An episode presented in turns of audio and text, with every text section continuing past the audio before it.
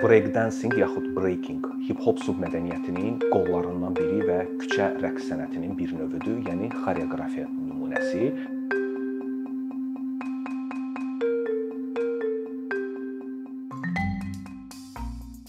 Bu küçə rəqsinin adını b-boying, breaking, breakdancing kimi təqdim edirlər. Bunların adların arasında mahiyyətcə heç bir fərq yoxdur. Sadəcə olaraq breakdancing daha çox populyardır. Bunun səbəbi ona görə belədir ki, jurnalistlər və sənətşünaslar, tənqidçilər çaşqınlıq yaratmasın deyə break və breaking ifadələri ingiliscə çox məna ifadə edir. Söhbətin məhz bu rəqsdən getməsi aydın olsun deyə break dancing kimi təqdim ediblər. Amma məqsədə uyğun olar ki, biz elə bu sənətin puristləri kimi bunun adını breaking, bu rəqsin ifaçılarını isə b-boy və yaxud b-girl adlandıraq. Bunun yaranması, formalaşması, inkişafı və bu günə qədər gələn o bütün hadisələrin prosesləri yəni ciddi mənbələrə istinad etmək lazımdır. Mən çalışacağam ki, danışdıqca bu mənbələrin adını çəkim, həm də əlavə məlumat almaq istəyən olsa tapıb məlumatlana bilər. Bunlardan biri David Tub adlı musiqiçi və musiqi tənqidçisidir. O müxtəlif vaxtlarda Rap Attack adlı 3 kitab yazıb və düzdür bu kitablarda əsas xətt rep musiqisi olsa da, breaking rəqsi haqqında da maraqlı məlumatlar var, faydalı məlumatlar var, xüsusilə də ikinci hissədə. Daha bir müəllif hip-hop tənqidçisi Jeff Chang adlı müəllifdir. Bu 2005-ci ildə Can't Stop Won't Stop adlı bir kitab yazıb və bu kitab daha fundamental sayılır. Məsələ ondan gedir ki, Chang bunun baniləri, yaradıcıları ilə şəxsən görüşüb və onların o dilindən çıxan faktları qələmə alıb kitabda əks etdirib. Daha sonra 80-ci illərin əvvəllərində Wild Style adlı bir film var. Çox unikal, qəşəng filmdir. Bu da hip-hopa aid filmdir və burada heç bir peşəkar aktyor oynamayıb. Bu hamısı bunların hip-hop nümayəndələri, qrafiti çəkənlər, b-boylar yaxud reperlər, DJ-lər çəkiliblər. Və bir neçə başqa istinadlar da var. Danışıq əsnasında çalışacağam ki, onlardan da nümunə çəkim. Bu rəqsin yaranması aiddir 1970-ci illərin birinci yarısına, yaranma yeri isə Amerika Birləşmiş Ştatları, New York və New Yorkun Bronx borosu. Bunun qurucuları, yaradıcıları Afroamerikalılar olublar. Bu Afroamerikalılar müxtəlif ölkələrdən Yamayka, Trinidad və Tobago, Puerto Rico və digər ölkələrdən 60-cı illərdə New Yorka köçən mühacir ailələrindən olan yeniyetmələr idi və bu yeniyetmələrdən biri də əsl adı Clive Campbell, ləqəbi isə Cool Herc olan bir DJ idi. Biz bir neçə mənbədən bunun yaradıcısının Cool Herc olduğunu və onun necə bu rəqsi ərsəyə gətirdiyini görə bilərik. 70-ci illərin əvvəllərindən başlayaraq New Yorkda bir DJing dalğası yarandı. Cool Herc-in əsasını qoyduğu və daha sonra onun sələfləri və tələbələri e, Herc-in ardınca bunu kütləviləşdirirdilər və bu geniş yayılırdı üzü 70-ci illərin sonlarına doğru. E, həmin bu DJ-lərin təşkil etdiyi tədbirlərdə e, və Cool Herc-in ideyasına əsasən belə bir rəqs kollektivləri yarandı. Qızlardan ibarət rəqqaslara b-girllar, oğlanlardan ibarət rəqqaslara isə b-boylar deyirdilər və bu rəqslərin əsasını Cool Herc 60-cı illərdə Amerikanın daha çox qərb hissəsində populyar olan funk style rəqslərdən götürmüşdü. Yəni bu rəqslərə biz up-rock, popping, locking, elektro-buqalo və digər rəqsləri misal göstərə bilərik. Cool Herc həmin o rəqslərin quruluşunu götürüb tətbiq etmişdi öz rəqqaslarına. Belə bir fərq var idi ki, b-boy və b-girllarda üstəlik akrobatik elementlər də mövcud idi. Yəni funk style rəqslərə biz diqqət etsək, onların ayaq üstə e, müəyyən bədənin elastiki belə hərəkətlərini görə bilərik. Amma breakingdə daha çox yer, döşəmə ilə kontakt və daha belə mürəkkəb akrobatik elementlər var. İlk rəqqaslar 70-ci illərin ortalarında elə bəzən DJ-lərin özləri olurdu. Cool Herc-in sələfləri, məsələn Clark Kent, Coco LaRock və digərləri və ilk yaranan ə, qruplardan biri The Legendary Twins ə, adlı iki əkiz qardaşdan ibarət bir qrup idi. Amma daha sonralar bunun yeni elementləri əlavə etməklə, bunu kütləviləşdirməklə Rocksteady Crew adlı qrupun böyük bir zəhmət olmuşdu və 80-ci illərin əvvəllərində bunlar dünya turnesinə çıxanda artıq dünyanın əksər ölkəsinə bu yayılmağa başladı və hətta SSR-yə qədər gəlib çatdı. SSR kimi qapalı bir ölkəyə.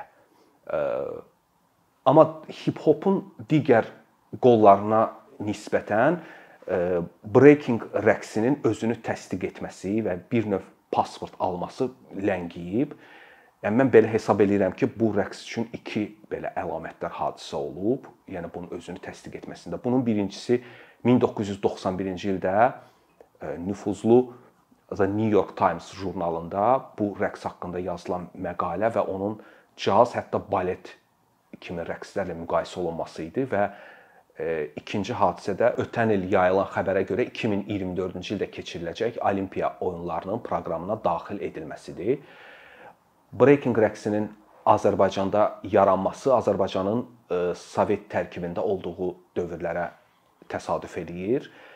E, birinci Azərbaycana gəlməmişdən qabaq SSR-nin daha böyük şəhərlərində Moskva, Leningrad və bundan daha qabaq isə Pribaltika ölkələrində yayılmasından sonra gəlib Azərbaycana çıxmışdı və Azərbaycana gəlib çıxmasında xüsusi rol oynayan e, səbəblərdən biri 70-ci illərin sonlarında Azərbaycanda yaranan disko hərəkatı ilə bağlı idi.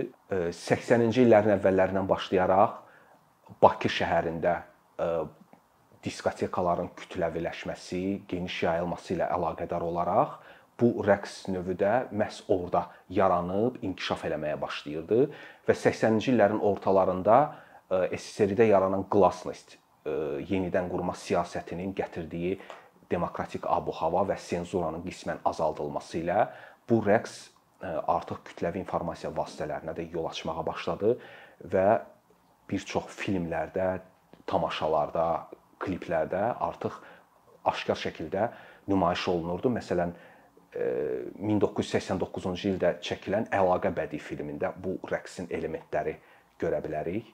Daha sonra Yaşıl eynəkli adam tamaşasında da var breaking rəqsi. Sonra bir neçə klipdə və Gülüş sanatoriyası tamaşasında da bu rəqs elementlərini biz görə bilərik. Və Azərbaycanda 80-ci illərin ikinci yarısında meydana gələn bu qruplar əksər hallarda həm rep ifa eləyirdilər, həm də breaking rəqsini nümayiş etdirirdilər və bu ənənə 90-ların ortalarına qədər davam eləmişdi. 80-ci illərin ikinci yarısında məsələn belə qruplar vardı, Texas və Rap Road qrupları. Bunlar onların yəni səs yazıları gəlib günümüzə qədər gəlib çatmayıb.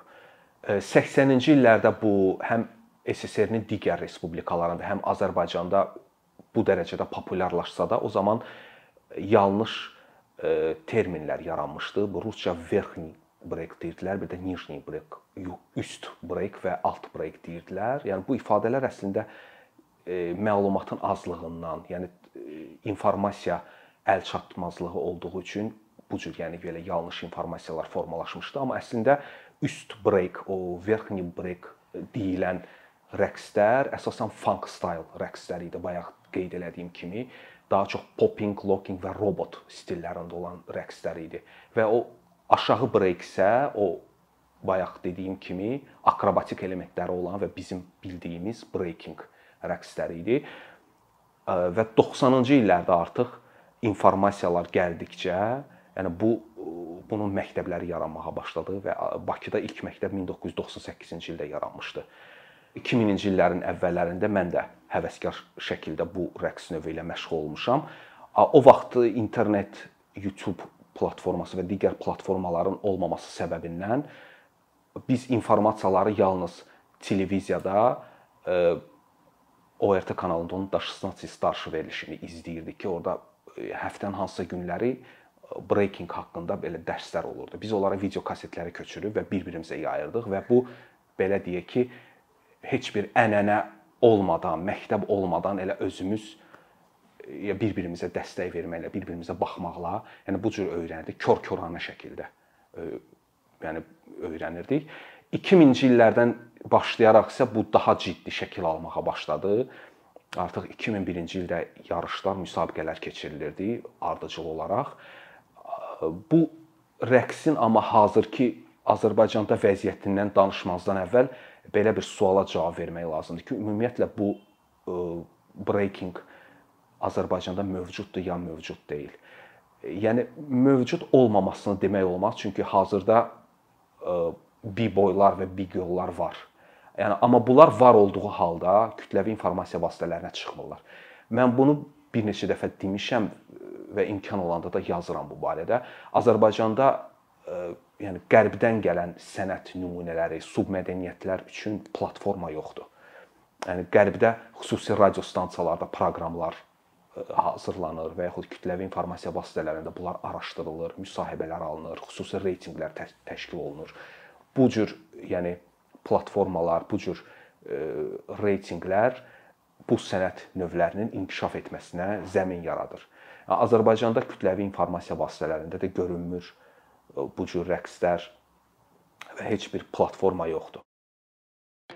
Əkinçinin yeni videoları haqqında məlumatlı olmaq üçün kanalımıza abunə olmağı və xəbərdarlıq funksiyasını aktivləşdirməyi unutmayın. Bununla bərabər gördüyümüz işlərin davamlı olmasını istəyirsinizsə, bizim patronların sırasına qoşulmağınızı rica edirik. Əkinçinin Patreon icmasının üzvü olaraq siz bizim təşəbbüsə dəstək göstərməklə bərabər hazırladığımız materialları hər kəsdən öncə izləmə imkanı əldə edəcəksiniz. İmkandan istifadə edərək cari patronlarımıza işlərimizi davam etməyə yardım olduqları üçün dərin təşəkkürümüzü bildiririk.